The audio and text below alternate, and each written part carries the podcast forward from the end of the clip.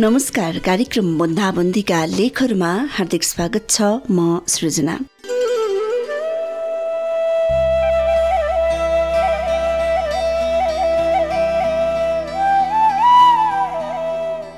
हजार चाहनाहरू आँखाभरि अनि लाखौँ आशाहरू छातीभरि बढेर परदेशीको एउटा सपना।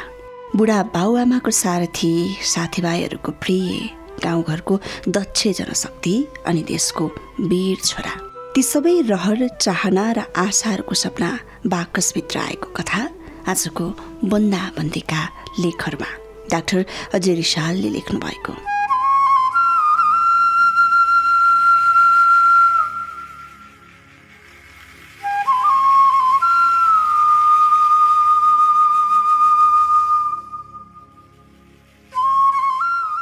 दुई हजार अठार जुन महिना अन्तिम साताको कुनै एक दिन। हवाई जहाजभित्रै छु।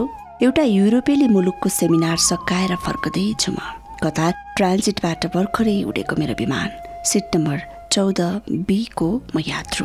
हातको घडीले नेपाली समय राति एक बजे देखाउँदैछ।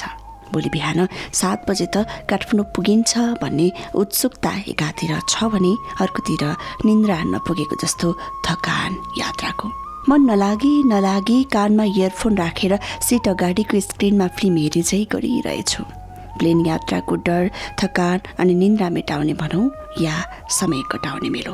प्राय त्यस्तै नै हुन्छ मेरो।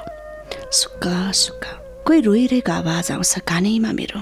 फिल्म त कमेडी हो त्यहाँ रुने कोही त छैन। फेरि वयस्क पुरुष व्यक्तिको जस्तो छ रोदनको स्वर अलि असजिलो अलि अप्ठ्यारो अनि अलिक करुण जस्तो नै छ रुवाई। नजिकैबाट आइरहेको जस्तो। इयरफोन निकालेर बस्छु अनि यताउता आँखा पनि दौडाउँछु। पछाडितिर पनि हेर्छु। तर हो आवाज त आफूसँगै बसेका चौध एको यात्रुको पो रहेछ त। नेपाली टोपी लगाएका करिब साठी पैँसठी वर्ष एक प्रौढ व्यक्ति पो प्लेनको कम्बलले मुख छोपेर रोइरहेका छन् त। कस्तो कस्तो लाग्यो। कति स्वार्थी म आफ्नै सहयात्री नेपाली बन्धु अझ आफूभन्दा अग्रज आफ्नै सिट बाँडेर बसेका व्यक्ति मैले त औपचारिक परिचय पनि गरेको छैन उनीसँग। कसरी बोलाउने होला? अपरिचित अझ रोइरहेका व्यक्तिलाई। साँच्चै आँसुले मलाई जहिले पनि पगाल्छ पगाल्ने गर्छ। आँसुभित्रको वेदनाबाट रोग खुट्याउने पेसा मेरो। आँसुले सधैँ अप्ठ्यारो नै पार्छ मलाई। अरूको आँसु देख्न नसक्ने साँच्चै नै कोमल छ मेरो मन। अलिकति हल्लिए सिटमा सिट बेल्ट मिलाए जस्तो गरी नजानिने तरिकाले उनको काँधमा हात पुर्याए पनि साँच्चै नै निन्द्रामा नै रोइरहेको भए त फेरि बेकारमा उनको निन्द्रा डिस्टर्ब गरे जस्तै हुन्छ। अलिकति सम्हालिए म विदेशी भए त त्यसरी छुँदा रिसाउँछन् राम्रो मान्दैनन्। महिला भए त त्यसरी छोएको अर्थ नै अर्कै लाग्छ। उनी त स्वदेशी बन्धु अझ पुरुष आफ्नो अग्रज अनि आफ्नै सिट बाँडेर बसिराखेका। कता कता उनी त आफ्नै मान्छे पो हुन् नि त भन्ने भाव आयो मलाई। अनि बेसरी छोएरै हल्लाइदिए उनलाई। झसङ्ग भए जस्तो गरेर ती व्यक्तिले ओडिरहेको कम्बल फाले अनि अश्रुपूर्ण नजर मतिर तिर्साए। बाबु म अभागी। यो उमेरमा उमेरैको छोरालाई सेलाउनु पर्ने भयो। उनका कुरा केही बुझे जस्तो केही नबुझे जस्तो लाग्यो। आफू अगाडिको स्क्रिन बन्द गरेर पुरै ध्यान उनीतिर फाले। अलिकति सहानुभूति पाए जस्तो लागेर होला। ती व्यक्ति मसँग खुल्दै गए। बिस्तारै बिस्तारै।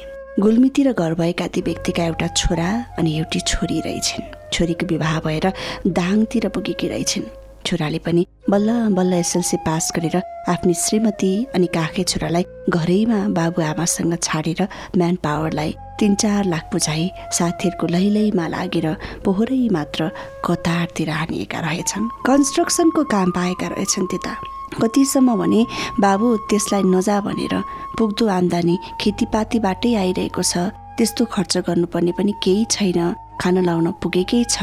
भर्खर जन्मिएको तामाको मुना जस्तो छोरालाई छोडेर नजा बाबु कतारको गर्मी खान भनेर कति भने भनेर उनी सुनाउन लागे।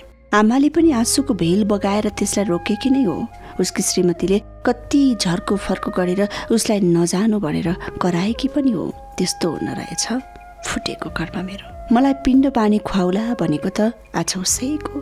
फेरि रुन थाले ती यो मेरमा यो दशा आइलाग्यो नि।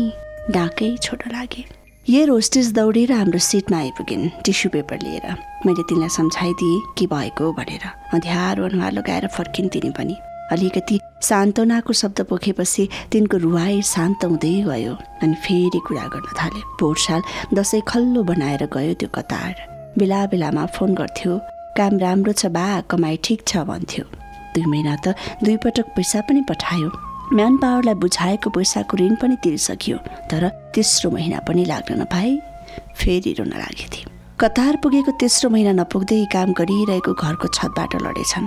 उनका छोरा अस्पताल पुर्याउँदा नपुर्याउँदै प्राण पखेर उडेछ तिनको। मरेपछि लास भएको छोराको सद्गति गर्ने कोही पनि मान्छे भएनछन् कतारमा लास पठाउने प्रक्रिया झन्झटिलो। गुल्मीबाट बाबु काठमाडौँ आएर बल्ल बल्ल बाकसबन्दी गराउने व्यवस्था गरेछन्। तिन महिना लागेछ त्यसका लागि पनि। त्यहाँबाट बाकस ल्याइदिने पनि कोही भएनछन्। न त त्यसलाई पठाइदिने नै सहयोगी कोही भेटिए। एक महिना लगाएर बाबुले पासपोर्ट बनाएछन् अनि छोराको लास लिन आफै आइपुगेछन्। कतार ठुलो हन्डर अनि ठक्कर खाएर बल्ल बल्ल बाकसको जिम्मा लिएर आउन सफल भएछन्। त्यही प्लेनमा रहेछ तिनको छोराको पार्थिव शरीर राखिएको बाकस। छोरा एक होनहार युवक। वृद्ध अवस्थामा अघि बढ्नै लागेका उनका बाबा घरमा छोराको लास आउने आशामा रहेकी आमा नवजात शिशुकी आमा तिनकी श्रीमती सानो काखे छोरा बहिनी ज्वाइँ भान्जा भान्जी बाजे बजे मामा माइजू काका काके सबै सबै। अरे सम्झँदै झनन्न हुने तिस वर्षीय तिनको कथा। बाकसभित्रै मरिसकेको त्यो कथा अनि हवाई जहाजदेखि काठमाडौँ गुल्मीसम्म फैलिएको व्यथा अरे कस्तो कथा भेट्टाएँ मैले आज। जीवन कथा कथा जीवन। कथाको खोजी नै मेरो पेसा। कथा व्यथा अनि मनको घाउमा मलमपट्टि लगाउने मनको डाक्टर म। आजको कथा कति कारुणिक कति मर्मस्पर्शी। त्यो मेटिएको कथाको नायक त्यो बाकसभित्रको लास त्यसलाई मैले बिउझाउन सकुला त? यो कथाका कारण व्यथित कति मनहरू तिनलाई सम्झाउन बुझाउन सक्छु त म? तिनको घाउ निको पार्न सक्छु त म? मनमा आयो अस्ति अनलाइनमा पढेको तथ्याङ्क। एकमात्र अन्तर्राष्ट्रिय एयरपोर्टमा दैनिक छ बाकस यसरी नै मेटिएका कथाहरू झर्छन् रे। ओहो हाम्रो देश दैनिक पाँच छवटा कथालाई सेलाउन आफ्नै धरतीमा ओह्राल्छ बाकसहरू। एक हप्ता अघि युरोप जाने बेलामा प्रस्थान कक्षमा फुल माला अबेर लगाएर अध्यारो अनुहारमा लाइन लागिरहेका कथाका नायकहरूलाई सम्झन्छु। अश्रुपूर्ण रूपमा तिनलाई विधायकको आत लाउने। तिनका बाबुआमा श्रीमती छोराछोरीहरूको भिड आँखा अगाडि नै झलझले आइरहन्छन्। अरे संयोगान्त कथाको आशामा रहेका ती परिवार दैनिक पाँच छ वियोगान्त कथा नायकहरू बाकसभित्र पोको पारेर ल्याइन्छन्। कसरी मेटिन्छन् बाकसभित्रै ती कथाहरू? त्यस्तै त्यस्तै तर्करा मनमा चलिरहँदा कति बेला झकाइछु थाहा नै भएन। सपनामै होला। त्यही प्लेनभित्र भएको बाकसभित्र कैद कथाका नायक मेरा सहयात्री बन्धुका छोरा तिस वर्षेती युवक बाकस खोलेर अगाडि आए मेरो।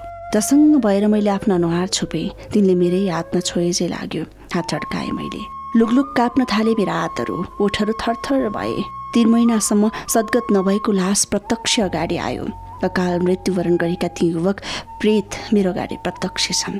आकाशमा उडिरहेको जहाजभित्र विदेशी भूमिमा दिवंगत भएको आत्मा भड्किएर मेरो अगाडि आएको हो कि डर लाग्यो भित्रैदेखि चिट चिट पसिना आयो मेरो। ऊ भन्दैछ नडराउनुहोस् मेरो बुवाको रोदनले गर्दा म बाकसभित्र सुत्नै सकिनँ। बुवाको आज्ञा नमान्दा यो दुर्गति भयो मेरो। के गर्नु? विदेशी भूमिमा कतारको गर्मीमा अनाथ अकेलोमा। अरे नजानु भनेकी थिइन् आमाले पनि ती श्रीमतीले पनि भर्खर जन्मिएको छोरो अनाथ भयो मेरो। म पापियो त्यो उमेरमा मेरा बुवाले दुःख पाउनुभयो। मबाट पिण्ड पानी पाउने आशा गर्ने मेरो बुवा कस्तो दुःख गरेर मेरो शरीर ल्याउनु पर्यो उहाँलाई। उसको कुराले मनमा काटी ठोकेको चाहिँ भयो मलाई। मेरो आँखाबाट पनि आँसु झर्न थाले। तिस वर्षीय युवा प्रेत शरीर बोकेर मेरो अगाडि छ। के भनौँ कि नभनौँ भन्ने सोचिरहेको थिएँ। उनी बोल्न थाल्यो नडराउनुहोस्। एउटा कुरो बिन्ती गर्न आएको छु। मेरो बुवालाई नरुनु भनिदिनुहोस् है। उहाँलाई सम्झाइदिनुहोस्। मलाई माफ गरिदिनुहोस् भनेर भनिदिनुहोस् है। काठमाडौँमा यहाँलाई स्वागत छ। कानमा आवाज ठक्कियो ए हाम्रो प्लेनले त काठमाडौँको धरती छोइसकेछ। कस्तो निद्राले छोपेछ बिहानी पख हिजोको सपना अनि विपना झल्यास सम्झिए चौध एका मेरा सहयात्रीतिर पुलुक्क चिहाए उनी त पक्कै पनि निधाएका थिएनन् होला। गोलभेडा जस्ता राता थिए दुवै आँखा उनका। कति दिनको अनिन्द्रा थियो होला ती भोक अनिन्द्रा चिन्ता कस्तो नरमाइलो सम्मिश्रण हरे शिव फेरि सम्झे सपनामा तिनका बाकसभित्रका छोराले सजीव भएर मसँग भनेका कुरा। मोबाइलमा घन्टी बज्यो ल्यान्ड भइसक्यो बुढीले सोधिन् भर्खरै भयो मैले भने। हामी बाहिर कुरिरहेका छौँ है गाडी लिएर आइपुग्यौँ भर्खर। सपनाका कुरा गए कता कता आफ्नै घरतिरको तर्कन आइहाल्यो कति छिटो छ यो मन सपना विपना पढाइ आफन्त विदेश स्वदेश समाचार यथार्थ। कति चाँडो कसरी स्क्रिनिङ गर्ने गर्दछ यसले? बाकसभित्रको कथा कता पुग्यो कता ब्याग समातेर झरे म। चौध एका सहयात्री पनि थिए पछि पछि। अध्यागमन पार गरेर ब्यागेज क्लेममा गएँ। पन्ध्र मिनटमै मेरो लगेज आइहाल्यो पनि। ती सहयात्रीसँग आँखा जुधाउने साहस थिएन मेरो। फटाफट लगेज लिएर बाहिर आएँ। बुढी गाडी लिएर पर्खिरहेकी थिए। लमक लमक गाडीतिर गएँ सामान हाले। चालक भाइले हुर्काइहाल्यो गाडी पनि। कस्तो भयो त सेमिनार? बुढी सोधिरहेकी थिए। म भने मेरा सहयात्री चौध एका ती व्यक्तिले छोराको लास भएको बाकस बाहिर ल्याइसक्यो होलान् कि? भनी तर्कना गरिरहेको थिए। अरे बाकसभित्रै मेटिएको थियो एउटा कथा मेरै अगाडि। अरू कति कथाहरू होलान् त्यसरी मेटिएका?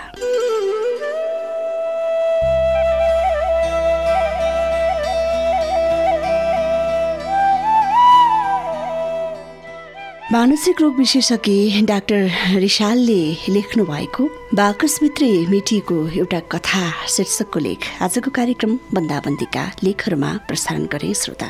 आजलाई भने बन्दाबन्दीका लेखहरू यति नै। भोलि फेरि यही समयमा अर्को एउटा लेखको साथमा उपस्थित हुने नै छु। यतिन्जेलसम्म सुनेर साथ दिनुहुने तपाईँ सम्पूर्ण श्रोताहरूलाई विशेष धन्यवाद अनि प्राविधिक मित्र प्रहलादलाई विशेष आभार भन्दै बिदा हुन्छु। नमस्कार।